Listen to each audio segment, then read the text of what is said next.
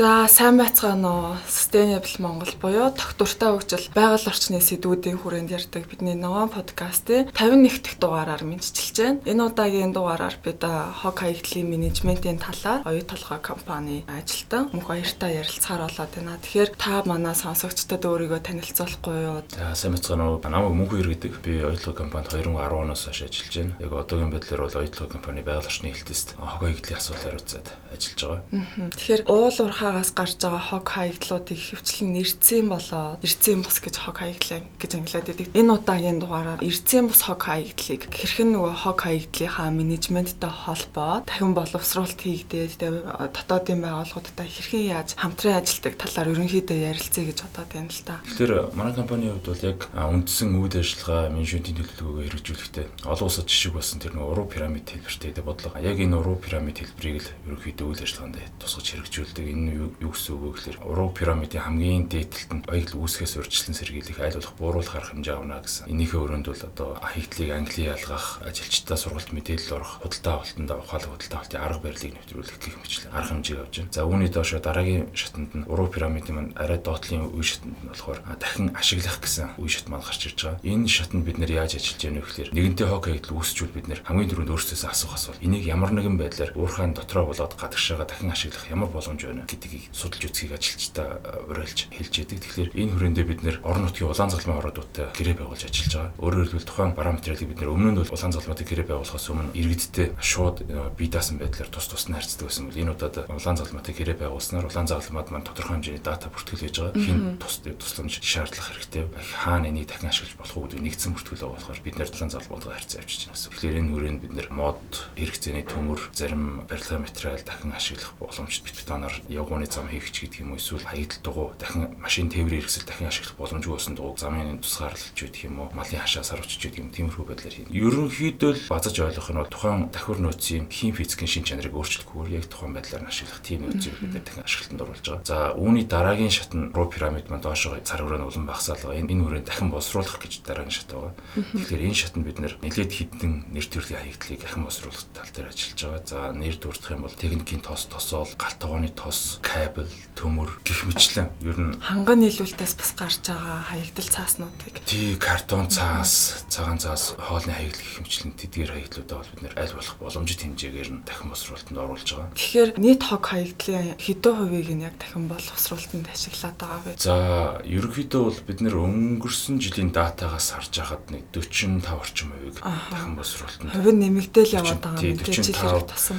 Энэ гэхдээ дахин ашиглалт дахин хоёр маань нийлсэн тоо. За ерөнхийдөө нийт хаягдлынхаа нэг 45 орчим хувийг нэр дахин ашиглах боловсруулж байна. Үлдсэн хувийг нь ландфилд буулах буюу аюулгүй байдлаар хадгалах тэр аргыг сонгож байна. Тэгэхээр хадгалах гэдэг пирамидын маань дараагийн үе шат нь энерги гарган авах гэсэн хэсэг байдаг. Гэтэ ойлгоход тэр энерги гарган авах нөгөө газ болон дулаанаар энерги гарган авах ямар нэг үйл ажиллагаа байхгүй учраас бид энэ үеийг алгасаад ландфил буулах болж устгах гэсэн үе шатн дээр очиж. Өөрөөр хэлбэл энэ пирамидын дагуу хамгийн бага хог хаягдлыг болж устгах тэрл бодлогыг барьж ажиллаж байна гэсэн үг. Одоогийн байдлаар бид нэр Европын албаны стандартыг хангасан ландфилийг Монголд анх удаа барьж байгуулад 2014 оноос хойш ашиглалтанд оруулаад ингээд ажиллаж байгаа.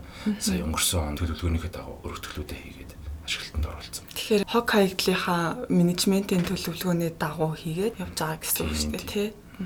Тэгэхээр надад бас сонирхолтой байна л да тэр улаан загалмаатай хамтраад хэрэггүй болсон давхир нөөцөж хуулийн хэлээр тий. Тэрийг дараагийн хэрэглэгчд маань ямар хүмүүс байгаад байдаг вэ? Улаан загалмаа бол мөнгөлийн байгууллага. Тэгэхээр бид нэр яг тэрийг л барьж авч байгаа юм л да. Улаан загалмаагаар дамжин л гэж байгаа болохоос бид нэр цаад хэрэглэгчийн зүгээр анзаараад хад сумын нийт хэрэгтэд л хүрч байгаа. Аа гэхдээ илүү төлхөөтэйгээр анхаарч байгаа нь бол нэгэн яралтай дэмжлэг үзүүлэх шаардлагатай өрхүүд бол мэдээж тэдний анхааралд зүйснээр өртөж байгаа хаа. Гэхдээ бидний зүгээс гаргаж байгаа давхир нөөцүүдэд маань юу хэлсэнчлээ. Модны хаягдл орж байгаа. Модны хаягдл дийлэн хэсгийг эзэлж байгаа. Ягаад тэгэхээр уурхаа өөрөө барилгын үе шат дуусаагүй 2009 10 оноос хойш барилгын эд бүтээн байгуулалтын үе шат эхэлсэн. Гадаргын болон газрын гүний газрын гүний бүтээн байгуулалт одоо ч үргэлжилсээр 2022 оны хүртэл үргэлжлэх. Тэгэхээр энэ хүрээнд модон хайрцаг нөгөө подон тавирууд гэх мэтлээ маш олон төрлийн модны хаягдл гардаг. Энэ маань эргээд бид нэр орон нутагт энийг гаргаж өгснөөр орон нутгийн уламжлалт модны хэрэглээ бол хөрш барилгын материал гэсэн үндсэн хоёр төрөл байгаа шүү. Барилгын материалаа бол хангаагаас татж авчрах байдлаар хэрэглэдэг. Хөрш түвшинд бол унанг цаг хайласыг хатсан ураа цаг хайлаас идүүлдэг. Тэгэхээр одоо бидний гаргаж байгаа мод маань үндсэндээ бол хамбогд сумын хэрэглээг бол түвшний хувьд 100% хангаж байгаа. Манлай Баяовагийн иргэд маань бол тодорхой хэмжээгээр бас түвшнийг тодорхой хувийг хангаж байгаа. Ингээд бид нэр гурван сумынхаа хэрэглээг хангаж байна гэдэг маань энэ гурван сумын нутагт ургаж байгаа. Унсан хатсан хайлаас цаг модны маань хэрэглээг багасгаж байна. Гэсэн бид нэр эргээд баг нэг дүүцүүлэн хамгаалт гэж ярьж болохоор гэхдээ бид нэр энд оруулахгүй байгаа л да. Нөөцийн хэмнэлтэнд бас нөлөөлж байна тий. Бид нар бол зөвхөн тэр талаас нь харж байгаа. Тоо мэдээгээр үзэх юм бол бид нар маш их хэмжээний модны хэмнэлтийг бид нэр тэнд оруулж байна гэж харж болох Нэг талаас орон нутгийн иргэд өөрсдийнхөө хэрэгцээнийхаа тэр нөөцийг хотоос хачаад говийн бүсд ингээ авчрууллаа гэхээр нэлээ их хэмжээний одоо зардалтай байгаад байдаг. Тэгэхээр нэг талаас бас тэр давхар нөөцийг ашиглаад тэг өөрсдөд хэрэгцээтэй одоо хашаа хороогоо янзлах тэгээд тэм зүйлүүдэд бас их ашиглах боломжтой юм билээ шүү дээ. Тий хөндлөнгөөс ажиглаж байхад бол яг дийлэг хэрэглээ бол түвшинд явж байгаа. Гэхдээ зарим төрлийн хэрэглэж болохоор барилгын материал хэрэглэж болохоор мод гарч ирж гэмээр дахин ашиглаад байшин барьсан тохиолдол хүртэл байгаа одоо миний ажиллаж байгаагаар. Тэгээ би өөрөө хүртэл 2010 онд ойлгоод орчоод 11 онд хамбогд суманд гэр бүлэрээ шилжиж очсон. Тэгээд яг бүрэнж байшингаа тэгж бариаг үлээ. Гэтэ тодорхой хэмжээний барилгын материал одоо юу гэдэг модон баг хэсгийг нь бол бас аялал модноосоо гаргаж авч лээсэн. Тэгэхээр энэ мэтчлэн хэрэглээ бол манаас нийтлэг. Тэгэхээр энэ бол эргээд байгаль орчинд маш ээлтэй үйл ажиллагаа болж байгаа онцлж хэлэх дата. Өмнө нь тэгэхээр өөрөө хотод амьдарч агаад тэгээд орон нутаг руу шилжиж сурсан гэж ойлгож байна. Тийм тийм.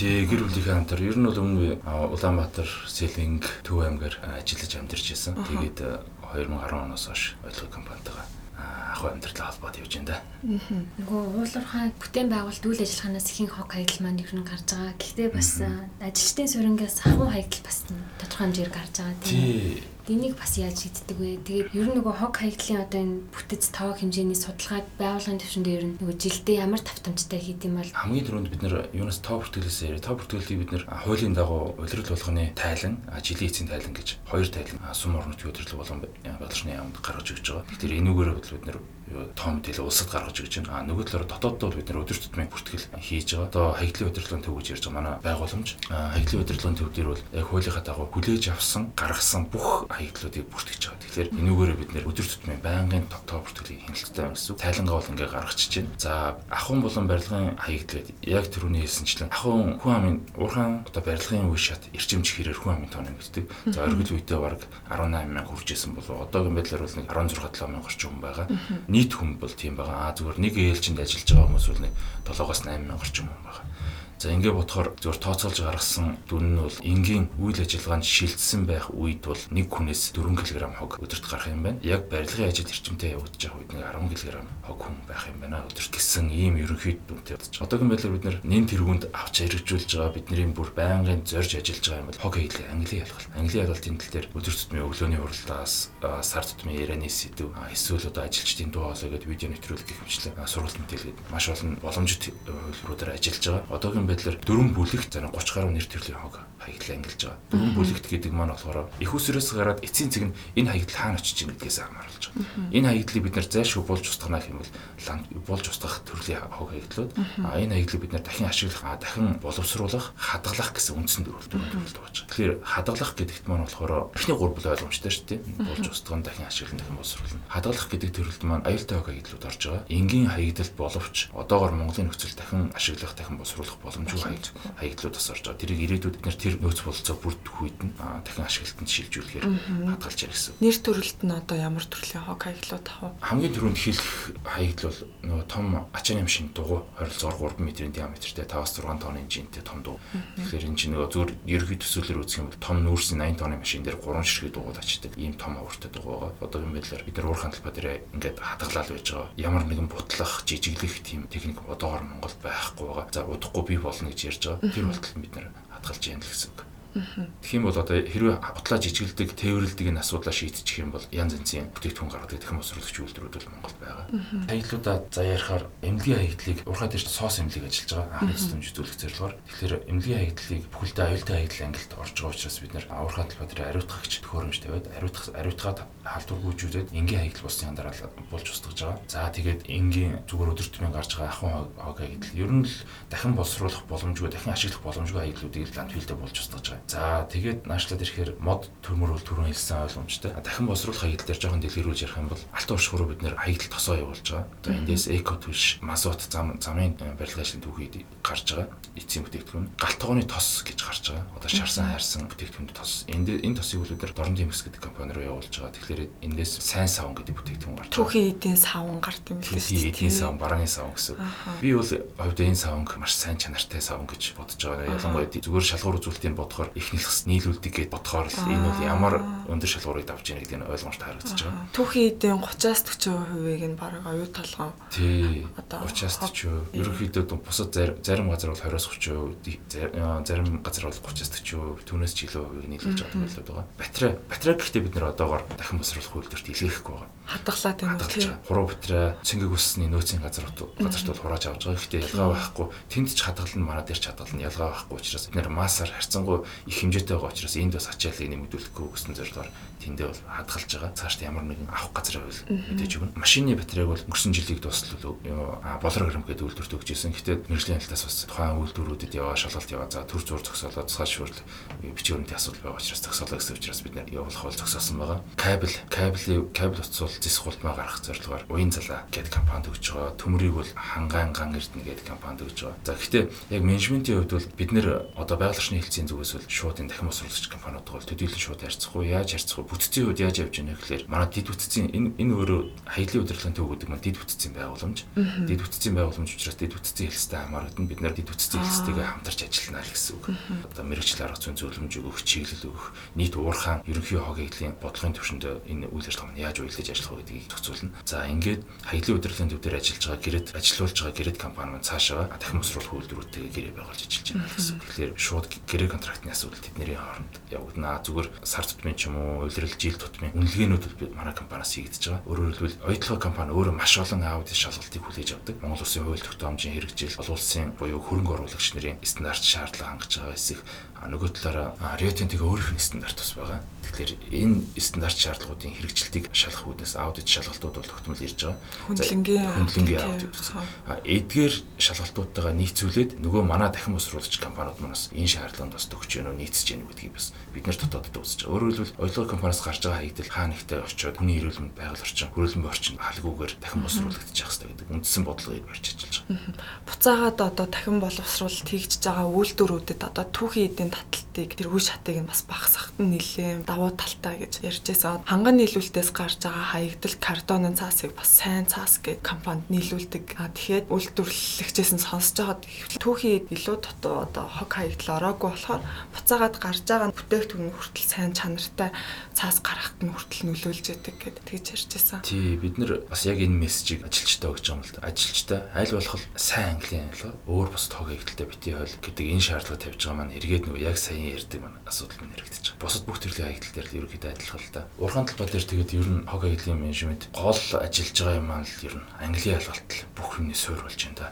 Заагаад ханган нийлүүлэгч нартай бас энэ талаарх шаардлага тавьдаг баг тий. Илүү хаягдал багтай пакэж савлгаатай бүтээгдэхүүн ч гэдэг юм уу нэг тиймэрхүү талаа. Дээрээс нь нөгөө дотоодын үйлдвэрлэгч нараа дэмжиж байгаа болохоор гаднаас ирж байгаа бүтээгдэхүүний циклч гэх юм уу тий. Дагаарын тээвэр ч юм уу хөрс илэгдлийн. Мэдээж нөгөө аль болох хүнсний үйлдвэрлэгч үйлдвэрлэгчээ дэмжих юм бол мэдээж аль аль талаас зардал хэмнэлт нөгөө талаар ашиг орлого болж хуурж байгаа. Энэ бол нөгөө худалдаа авалтын маань бодлогын хүрээнд үндэсний худалдаа авагчдыг дэмжих ханган нийлүүлэлтийг дэмжих гэсэн бүр баг хүртэл ажиллаж байгаа ханган нийлүүлэлттэй авалтын багт маань. Тэгэхээр тэр талаар дэлгэрүүлж яриг таад маань нэмэлт мэдээлэл хэрэгтэй болох бах. А зөвхөн миний хувьд юу бод юу мэдэж гэнэ вэ гэхээр бид нэр ханган нийлүүлэлтийн худалдаа авалтын багтайгаа хамтраад ухаалаг худалдаа авалтын зарчмыг хэрэгжүүлэхээр ярьж ажиллаж байгаа. Өөрөөр хэлбэл бид нэр ямарваа нэгэн бүтээгдэхүүн худалдаж авахад түүнээс гарах үүсэх хаягдлыг хэрхэн зохицуулах вэ гэдэг зохицуултанд тодорхой тэр бүтээгдэхүүнийг худалдаж авъя. Ямар нэгэн бүтээгдэхүүн худалдаад авчдаг. За энэ энэ ажилд энэ бүтээгдэхүүн хэрэгтэй байна гэдээ авчдаг. Түүнээс гарч гарч байгаа хаягдл нь одоогор одоо ч гэсэн бид нар тийм хүндрэлтэй асуудал байгаа байхгүй. Ямар нэгэн хаягдл гарчдаг. Яаж англи ялах нь тодорхойгүй. Хаана очиж яаж устгах нь тодорхойгүй. Ингээд бид нар гацаанд орчдөг. За одоо тэгээ хадгалахаас өөр яах вэ гэдэг юм уу те. Иймэрхүү асуудлууд тодорхой хэмжээнд биднэрт нүүр тулж чаленж болж байгаа учраас цаашдаа бид нар худалдаа авалтын хэлцтэйгээ хамтраад за ер нь ухаалаг худалдаа авалтын зарчмыг хэрэгжүүлээ. За яг одоогийн нөхцөл байдал бол барилгын бүтээн байгуулалтын эрчимтэй үе шат явагдаж байгаа учраас худалдаа авалтыг шууд ингээд тодорхой хяналтанд оруулчихад маш төвөгтэй байна. Тэгэхээр нэн тэргүүнд бид нар аюултай хог хаягдлаасаа, аюултай материалаасаа эхлэе. Аюултай материалын худалдаа авалтыг хийхдээ хаягдл дээр нь хаягдлын менежментийг хамтд нь авч хэрэгжүүлэх гэсэн тохиролцоог бодолтой авалтын багтаа хамт хийгээд ажиллаж байгаа. За үүний жишээ болгоод явах юм бол за химийн бодисын сапагла бодол байж байгаа. Энэ сапагла бодол маань бол их усураас гарах хог хаягдлын чигсалтан дээр чигсалтаараа аюултай хаягдл хамаардаг. За аюултай хаягдл хамаарчаараа цаашаа химийн хортой хортой аюултай химийн бодисын агуулж исэн сапагла бодлыг ахуйн хэрэглээнд ашиглахыг хориглоно гэсэн журмын заалт байж байгаа. Тэгэхээр энийг дагаад бид нэр орон нутагт ямар нэгэн байдлаар дахин ашиглах боломжгүй. А тийм учраас бид нарт мэрэгжлийн байгууллагаас өгч байгаа зөвлөмж болохоор уурхайн талбай дээр аюулгүйгээр хадгал хэрвээ дахин босруулах устгах тусгай зөвшөөрлөх буюу аж ахуйн байгаа бол тийш нийлгээ гэсэн ерөнхий зөвлөмж өгч байгаа. Эсвэл өнгөрсөн онд батлагдсан тэр сангийн сайд, балгачны сайд хоёрын хамтарсан төшөөлөг зарим нэр төрлийн бүтээгдэхүүнийг нийлүүлэгчд нь импортлогчд нь буцаах ийм бараа бүтээгдэхүүний чигсалт байгаа. Эдгээр эрх зүйн бичвэрэнт дээр үндэслээд химийн бичсэн сабглаа бодлыг буцаагаад нийлүүлэгчд нөгөх энэ ажил үл явж байгаа. А нөгөө талаараа бид нэр цэцэрх гэдэг компанитай бас гэрээ хийж байгаа. Дахин уурхайн талбай дээр байгаа хим бичсэн сабглаа бодлыг тэдний хэрэг явуулж. Худалдаа авалтын тухайд эргээд ороход бид нар бас гэрэл одоо энэ нөгөө сүүн гэрэл буюу флуоресцент гэрэл гэдэг байгаа. Энэ гэрэл маань бас хэдийгээр өмнөх гэрлээ бодвол харьцангуй сайн тусгалтай эргэлээ сайтай гэж ярьж байгаа боловч эргээд гарч байгаа үүсэж байгаа хаягдл маань аюултай хаягдалд ордог. Мөнгө ус хүнд менталыг тодорхой хэмжээгээр агуулдаг. Тэгэхээр энийг бид нар урхан арилга байгууламжийн хүрээнд лед гэрэл болгож солих энэ ажлыг шатаратаар явуулж байгаа. Эрдэнэт байдаг үйлдвэрээс бид нэр гэрлээ авж байгаа. Яг яг одоогийн байдлаар ингээд харах юм бол яг өдрийн гэрэлтэй адилхан юу те. Өөрөөр хэлбэл өмнөх бид нэр суурай солих шаардлагагүй. Тэгээд тэрэн дээрээ тухайн компани лого, ойдлохын логотой. Хэрвээ лед гэрэл нь ямар нэгэн байдлаар шатаж гэмтэх юм бид нэр буцаагаад нийлүүлэгч нөгөө засвалаад авчих юм боломжтой. Иймэрхүү байдлаар бид нэр ажиллаж байгаа. Цаашид авч хэрэгжүүлэх гэж байгаа төлөвлөж байгаа ажлууд ч юм уу те. Биобортооны талаар нэг сонсч ирсэн. Бортооны талаар бол бид нэр гэрэл байгууллагатайгаа хамтраад хоолны хаягдлыг бортоо болгох энэ ажлыг туршилтын одоогийн байдлаар туршилт гэж яриад байгаа. Бид нэр үйлдвэрлэл нэвтрүүлээгүй учраас туршилтын байдлаар 2018 оны 6 сараас эхлээд яг хийж эхэлж байна. За уурхайн талбай бол өдөрт нэг өдөрт амьдарч байгаа хүний тоо бол 7-оос 8 мянга. Энэ хүмүүсээс гарч байгаа хоолны аяглал бол бид нэр байж болох боломжит бага хэмжээнд барьж байгаа боловч стил их хിവэрэл байгаа. Тэгэхээр энийг бордоо болгож хувирах нь бол маш зүйтэй. Нөгөө талаараа бид нэр говийн эмзэг экосистемд ажиллаж байгаа нөхөс сэргээлтэнд хөрсний маань ялцмагт байдал бол төдийлөн хангалттай сайн биш. Энэ байдлыг нөхөхийн тулд бид нэр бордоо хийж ажиллаж байна. Энэ бордоо хийхдээ зөвхөн хоолны хаягдл биш. Эргээд нөгөө модны сэр ил овоолгын аргаар нөгөө агаартай бол агааргүй орчинд хоёр төрлөөр бордоо хийдэг юм билээ. Манай ургамлын багийнх энэ дээр бол төлхөө ажиллаж байгаа. Агаартай бол агааргүй хоёр аргаар хийдэг юм. Манайх бол ил талбай нуруулдах байдлаар ингэж хийж байгаа. Яг тэгвэл масс уур хэмжээ хувьд бол бид нэр агааргүй орчинд хийх бол боломжгүй маш том байгууламж хэрэгтэй. Хэрэгтэй болчихно. Ийм байдлаар дээр ажиллаж байгаа. За ирэх жилүүдэд бол тун утгагүй ер нь эзэн бүтээгдэхүүнээ гаргаад ашиглах боломжтой болох гэсэн найдвартай байна. Биологийн хэрэглэлтэнд л ашиглана гэсэн уурхаа өөртөө. Уурхайн үйл ажиллагааны өрөөнд бол тодорхой хэмжээний газар үргэлж эвдэгдэж, хөндөгдөж идэг. Тэгэхээр энэ нэг цаг тухайд бид нөхөс хэрэглэх ажлыг төлөвлөж байгаа, төлөвлөж идэг. Зөвхөн уурхай хаагдсны дараа бүх нөхөс хэрэглэлт хийх биш. Ерөөсөө л боломжит тэр тухайн газар суларсан дахин ашиглалтанд орохгүй тодорхой тийм төлөвлөлтөнд байгаа л нөхөс хэрэглэлтийг хийгээд явахаар ингэж төлөвлөж байгаа. За за. Ерөнхийдөө цогц мэдээллүүдийг бас хүргэжлээ шүү дээ. Тэгэхээр энэ удаагийн дугаараар хог хаягдлын менежментийг яг оюу толгой компани хувьд одоо хэрхэн авч хэрэгжүүлж байгаа вэ гэсэн сайн туршлага хуваалцаа ярилцсан мөнх хоёртаа баярлалаа. За баярлалаа. За тэгээд дараагийн дугаар хүртэл түр баяртай. Thank you.